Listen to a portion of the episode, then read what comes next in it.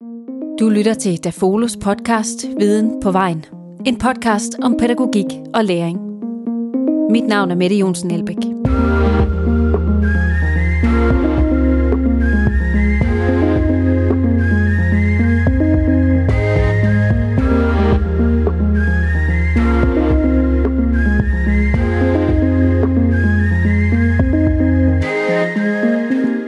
Alle voksne i et dagtilbud står hver dag i et utal af samspilssituationer, hvor barnets og den voksnes verdensopfattelser mødes.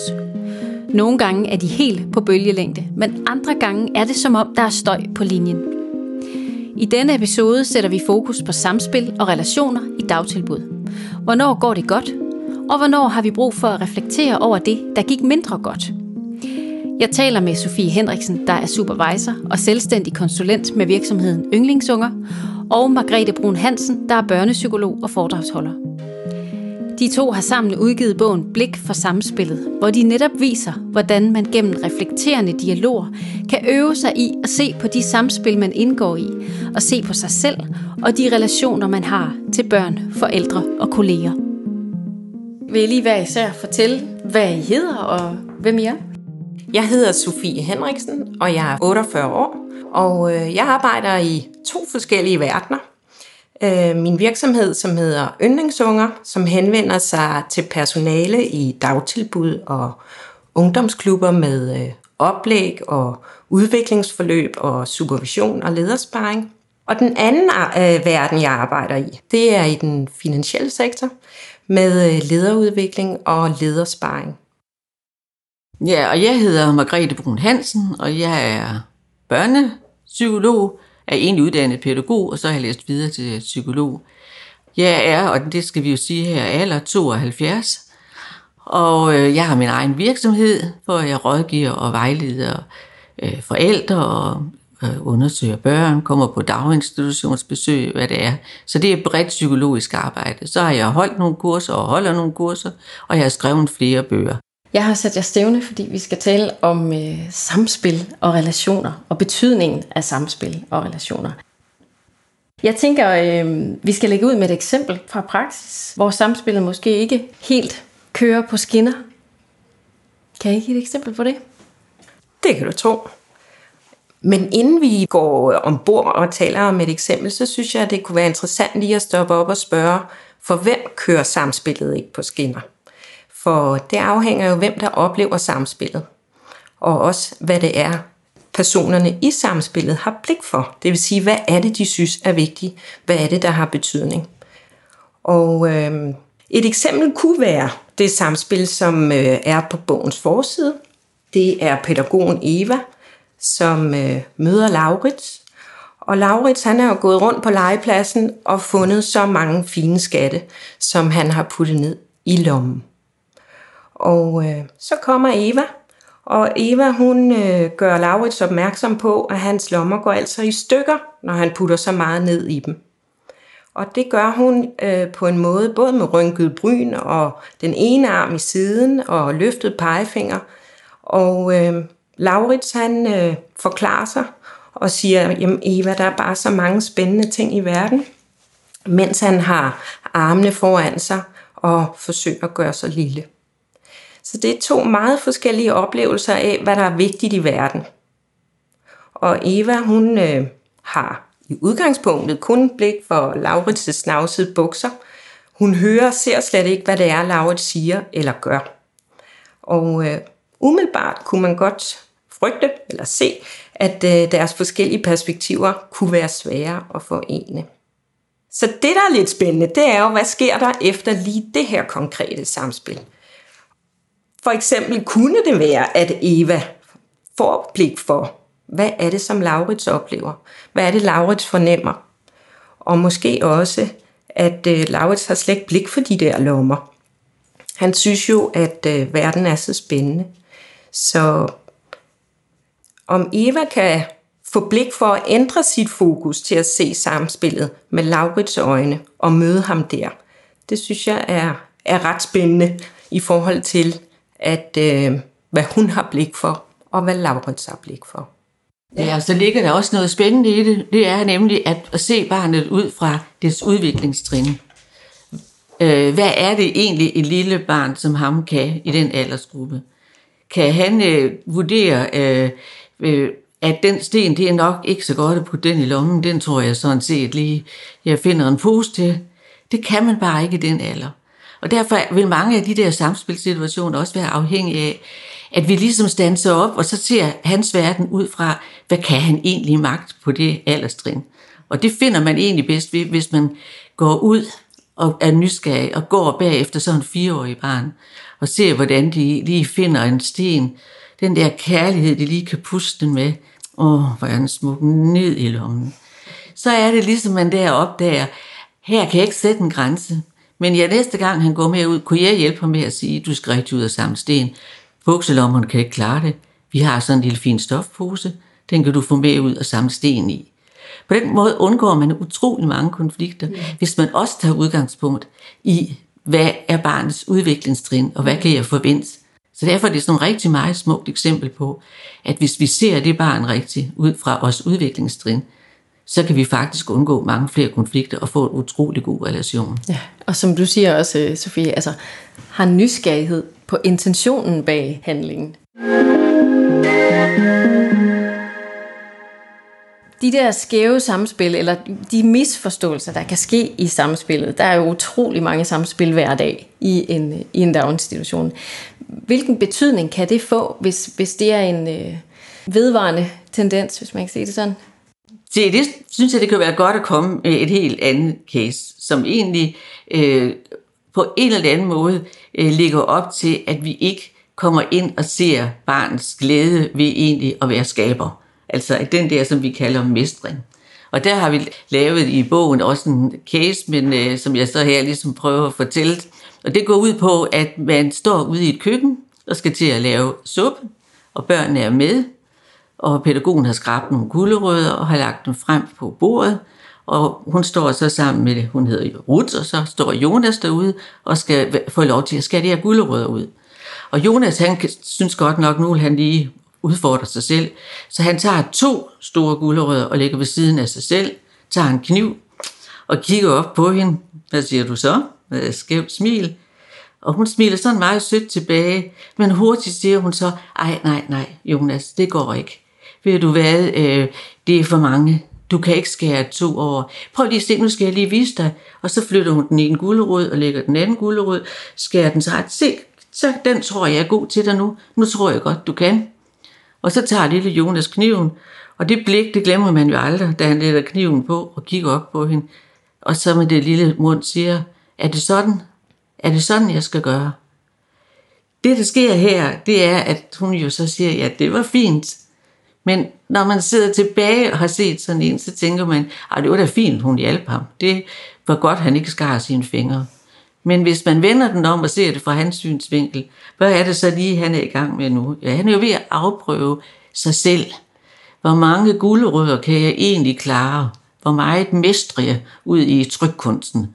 Så det skal der jo eksperimentere med, for at få en erfaring med, at det er faktisk svært med to store guldrødder. Mm, det ja. ved vi voksne. Men hvor ved vi det fra? Mm.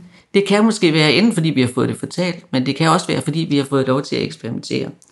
Og det, der er så vigtigt for os i den her situation, det er jo at sige, at mange steder i institutionerne ligger der, vi skal børn skal lære at mestre.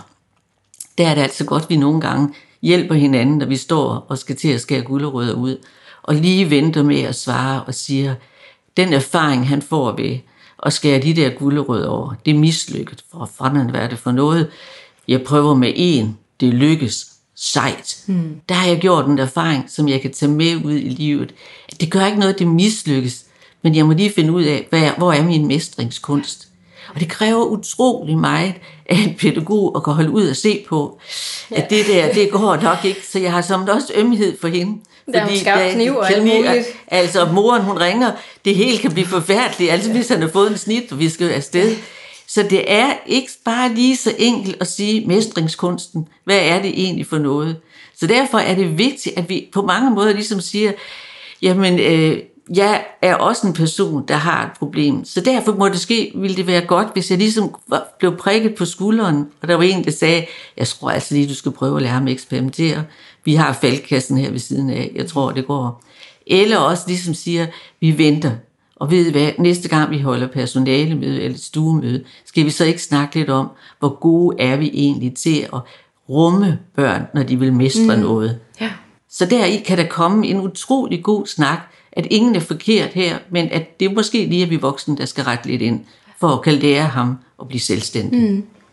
Og, og før vi når helt til, hen til den, øh, hvad den voksne sådan kan, kan gøre omkring det her, så tænker jeg, at vi lige skal runde, og vi, vi har allerede været lidt omkring det, hvad der så kendetegner de gode samspil. Det vigtige her er jo egentlig, at du, at du kan sætte ring omkring dig selv. Altså at du øh, reflekterer, hvad er det egentlig, han er i gang med? Simpelthen lige det smil. Ej, han er, synes simpelthen, han er sej. Derudover er det vigtigt, at man ligesom kan vende fokus, altså kan sætte fokus over i barnets verden, og så glemme sig selv, og så se, hvad det egentlig er, han er i gang med. På den måde kan du, kan du få barnet, kan du, du få dig selv med. Det bliver egentlig, jeg glemmer mig selv i den her situation, fordi jeg handler ud fra det, jeg ser, han gør. Så, så det gode samspil, det er kendetegnet ved, at man begynder at se og lytte til den anden, og så at det kræver en rigtig god kontakt med sig selv. At man kan sætte ring om sig selv. Mm. Gentagelse det, Margrethe mm. allerede sagt. Mm. Parentes om sig selv, øh, så man ikke bliver forstyrret af, hvordan er det egentlig, jeg bliver påvirket, hvis jeg gør det, øh, i det her samspil. Her øh, vil vi prøve at nævne et eksempel på, hvordan det egentlig går godt, og kan indgås. Og det er, at vi prøver at se, at vi lille, at der pædagog Jonas, han sidder ude i børnehaven og hygger sig med nogle børn, han, øh, de større børn, som han spiller fodbold med. Og den, vi ser så, at ind af døren, der kommer så lille William, som piller lidt ved fingrene, og man kan godt se, at han er meget stille, og han er bare så ked af det. Og han tøffer ligesom hen til Jonas og stiller sig sådan ved siden af ham, og er svær ved at få det sagt. Man kan se på øjnene, der er noget galt. Og så lægger William, hedder han, øh, han lægger hånden lige så sød på Jonas knæ, og så siger han med en lille grødet stemme, hvorfor vil du kun spille med Johannes, og hvorfor vil du aldrig spille sammen med mig? Det er altid de andre. Og her kan man nemlig snakke om automatpilot, fordi her kan man sige, her vil det være nemt at sige helt ærligt. Sådan noget pjat, du har været med alle de andre gange. Ej, ved du hvad, op på hesten, min ven. Vi, det synes jeg ikke rigtigt. Kom, vi finder noget andet at lave. Men man kunne også gøre noget andet. Det er ligesom at, at lave en refleksion og prøve at tænke på, hvad var det egentlig, han sagde. Øh, og det formåede ham, Jonas her, på en meget fin måde. Fordi han lagde sådan lige så stille sin hånd ned, efter han havde reflekteret lidt, og satte sig selv udenfor, og så gik han ind i hans verden. Han glemte egentlig sig selv, og så den der smerte, han var, selvom han egentlig ikke i sit hjerte måske synes det var så retfærdigt, for han har ikke været uretfærdig. Og så sagde han til ham, da han tog hans hånd, det var så smukt, jeg er da så ked af, at du føler sådan. For der er der ingen i verden, jeg synes, du er bedre til at spille fodbold med, sammen med alle de andre børn. Og hvor er det godt, du siger det. Så en anden gang, så kommer du bare hen igen og siger det. Tænk, hvis jeg glemte dig. Det vil jeg aldrig have gjort. Men så skal du sige det. Og så stryger han den her i her lille hånd. Og det, der sker, som er så smukt, det er, at den, de kigger bare på hinanden. Jeg fik lov til at sige det, jeg ville have. Og han glemte den autopilot, fordi den kom han ingen steder med her. Han så hans verden. Han skiftede fokus og gik ind i hans verden, hvor han var. Og så har den også det, som jeg synes er så vigtigt, og vi så også har snakket om, at vi glemmer nogle gange som voksne, hvor betydningsfuld vi voksne er for børn. At det er et kærlighedsforhold. Øh, men jeg kan ikke lade være med at lige at sige, nu her der har været corona, når jeg har mødt børnene, de har savnet Else og Sofie og Ruth og Henrik og Peter, og de er med tårer i øjnene, de siger, ej, hvor jeg gerne, hvem glæder dig til at komme ned og se i børnehaven? Så er det de voksne. Og det er de voksne, som de siger, hun er bare så sød. Altså, der er dannet nogle dybe, dybe relationer. Og derfor skal vi passe på med de der automatpiloter, fordi vi skal bare vide, at når et barn er ked af, at vi ikke er god nok ved dem, så er det jo fordi, de egentlig oplever, elsker du mig ikke mere, bryder du mig ikke om dig. Mm. Nogen vil nok sige, elsker er lige voldsomt et ord, mm. men holder du så ikke af mig mere. For den betydning, at vi er sammen så mange timer i løbet af en dag, år ud og år ind, der plantes noget, som er så smuk, men kan også være ikke særlig godt. Mm. Så derfor er det godt nogle gange at forholde sig til de relationer. Jamen lige præcis, og det er på en måde en overordnet pointe, ikke? Altså, at man faktisk er så bevidst om den betydning, man har for børnene og deres i virkeligheden oplevelse af at være et værdifuldt øh, menneske. Jeg kunne godt tænke mig at fortælle om en, en anden måde at se på autopiloten på, fordi, eller at give et andet eksempel. Fordi øh, da Margrethe og jeg, vi indledt indledte vores samarbejde og kiggede på alle de her mange hverdagssamspil og sad og drøftede, hvad er det egentlig, der sker der. Så i begyndelsen, så synes jeg, Margrethe talte russisk. Jeg skulle virkelig anstrenge mig. Hvad er det, Margrethe, hun siger? Og så handlede det simpelthen om, at Margrethe autopilot altid stiller sig i børnenes position, sætter sig i børnenes sted, mm. hver gang som det første. Og min autopilot, den tog udgangspunkt i, hvordan den voksne oplevede verden. Mm. Og det vil sige, det tog lige lidt tid for ja. mig at forstå, okay, det er der, du taler fra, Margrethe. Det var lidt øh, pudsigt, synes jeg, at, øh, at det lige var, eller rettere sagt, en spændende opmærksomhed at få, at, at den øh, autopilot, den havde jeg ikke selv. Men at øh, Margrethe, hun øh, med det samme var børnenes mm, tal, ja. talerør. Og hvordan kan man, hvis, hvis vi skal prøve sådan at være konkrete, hvordan kan man øve sig i at slå den automatreaktion fra? Altså det, der intuitivt kommer til mig, det er, at jeg skal simpelthen ned i tempo. Mm. Jeg skal lære lige at stoppe mig selv, inden jeg handler. Og øh, det kan man jo sådan så småt starte på, at være nysgerrig på egen adfærd. Mm. Øh, der behøver man øh, faktisk ikke så meget andet end, end sin nysgerrighed og lyst til at, at blive klogere på, hvad er det egentlig for en, øh, hvad er det jeg sender ud? Hvad er det, jeg signalerer til, øh, til børnene, kollegaerne og forældrene, som jo er væsentlige aktører i, øh, i dagtilbuddet? Og prøve lidt ting af. Men prøv lige at holde sig selv tilbage, hæmme sine egne impulser for at handle, øh, som jo ofte handler om, at hvis vi er op i højt tempo øh, i dagligdagen, så, så kræver det meget af os at, at lige at, at trække vejret og kigge og være nysgerrig og åben for, Hov, hvad sker der her, inden jeg øh, lader min autopilot reagere. Så tror jeg simpelthen, det er så vigtigt, at man begynder at tænke anderledes i institutionen. Det kan det gøre ved at begynde at læse den her bog.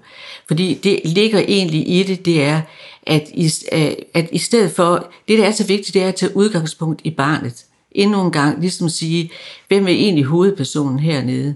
Så man ligesom, øh, i stedet for at være så optaget af sig selv, ligesom gør en pause, og så siger, øh, nu vil jeg se det barn. Hvad er det lige, jeg ser først? Og det er ret, øh, ret hurtigt at gøre. Men det allervigtigste, og det var måske det, jeg vil have allermest lyst til at sige, det er, det er altså vigtigt, at vi begynder at indtænke det i vores daginstitutioner. Mm. At når vi holder stuemøde, så skal der være et punkt hver gang, som hedder, hvordan ser vi vores børn? Hvad er det for nogle øh, konflikter, vi har med vores børn? Hvad, er, hvad relationer har vi? Øh, hvornår har jeg set en relation, der ikke var god? Ikke fordi vi skal skændes, men fordi vi måske skal gøre os klar, hvad kan vi gøre her, for at det bliver bedre? Mm. At den kultur bliver dannet, at vi altid snakker om, hvordan taler vi til vores børn? Hvordan lever vi os ind i vores børn? Hvem er hovedpersonerne hernede i vores mm. børn? Hvor stor dagsorden får vores børn lov til at have? Og når det er vigtigt, så er det fordi, de skaber meget mindre konflikter. Fordi hvis børnene bliver set og læst rigtigt, så, så får de også en hverdag, der er til at have mere at gøre. Mm. Så få det op på dagsplan, altså få det op i de der øh, pædagogmøder, lave weekender, hvor man får snakket de der ting igennem. Men for mig skulle det gennemstrømmes i hverdagen. Mm.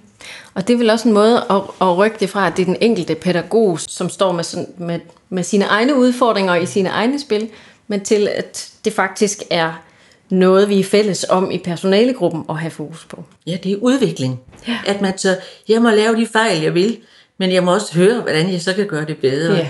At det, det er ikke øh, fejl at have en, en dårlig uge, eller få sagt nogle dumme ting, men det er en fejl ikke at gøre noget ved den, eller vil lytte, og hvad kan jeg sætte i stedet for det her. Mm. Så det at tage tur og tale om det, det er altså vigtigt. Ja.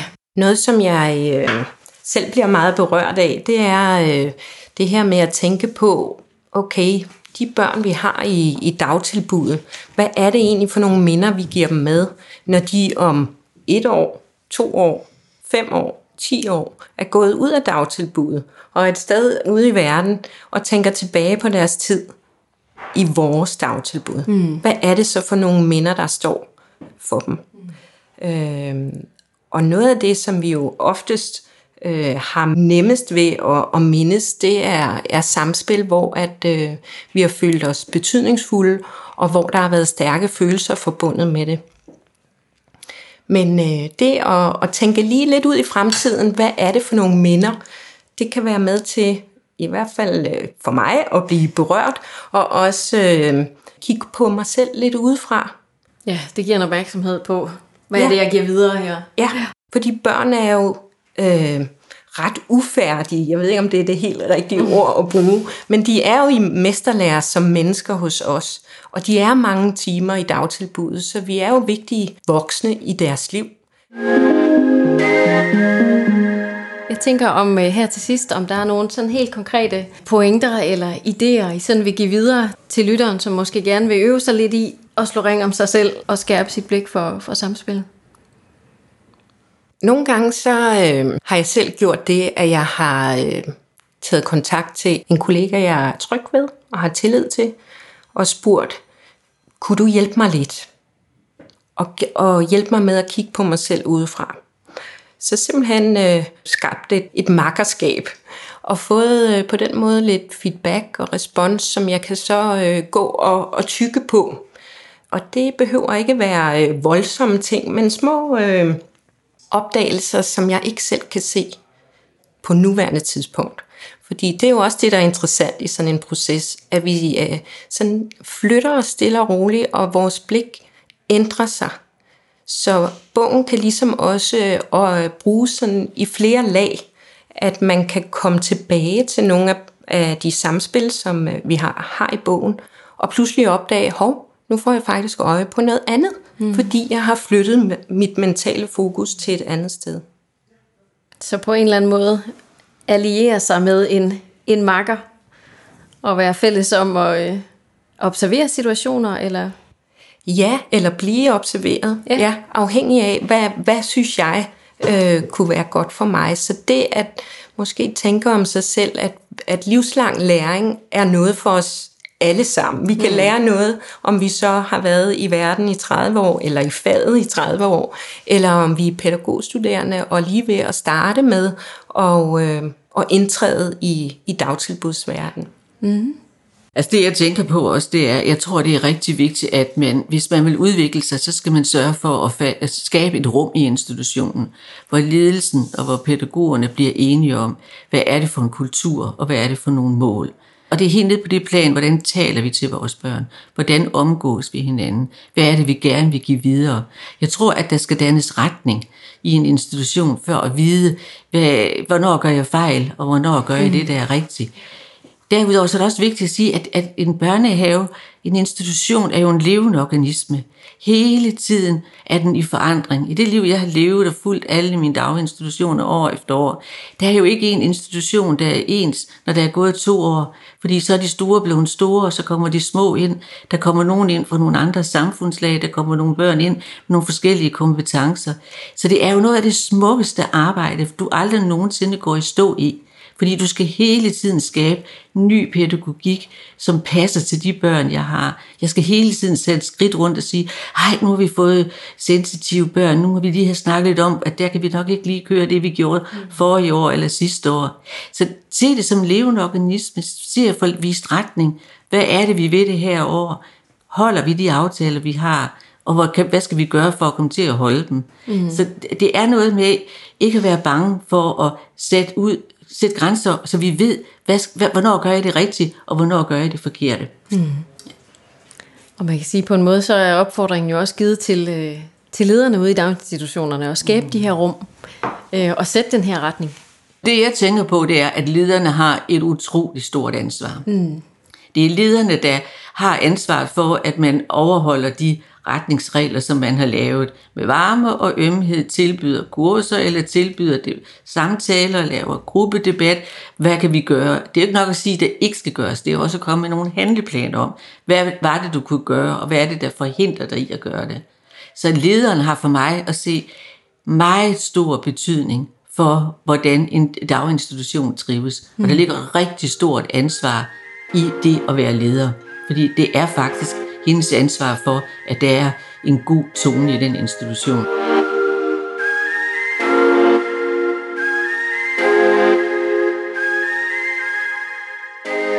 Hvis du undervejs blev nysgerrig på, hvordan man som voksen så lykkes med at stille sig på barnets side og få langsomhed, eftertænksomhed og nysgerrighed ind i sin samspil med børn, har vi lagt et uddrag af Sofie og Margrethes bog på dafolo.dk-viden på vejen.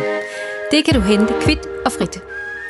Her får du som leder også en håndtrækning til, hvordan de reflekterende dialoger kan sættes i spil i dit dagtilbud. Tak fordi du lyttede med, og stor tak til Sofie Henriksen og Margrethe Brun Hansen for at dele ud af deres viden. Podcasten er tilrettelagt af Dafone, produceret af Maria Teilkamp, og musikken er komponeret af Soundperk. På genhør!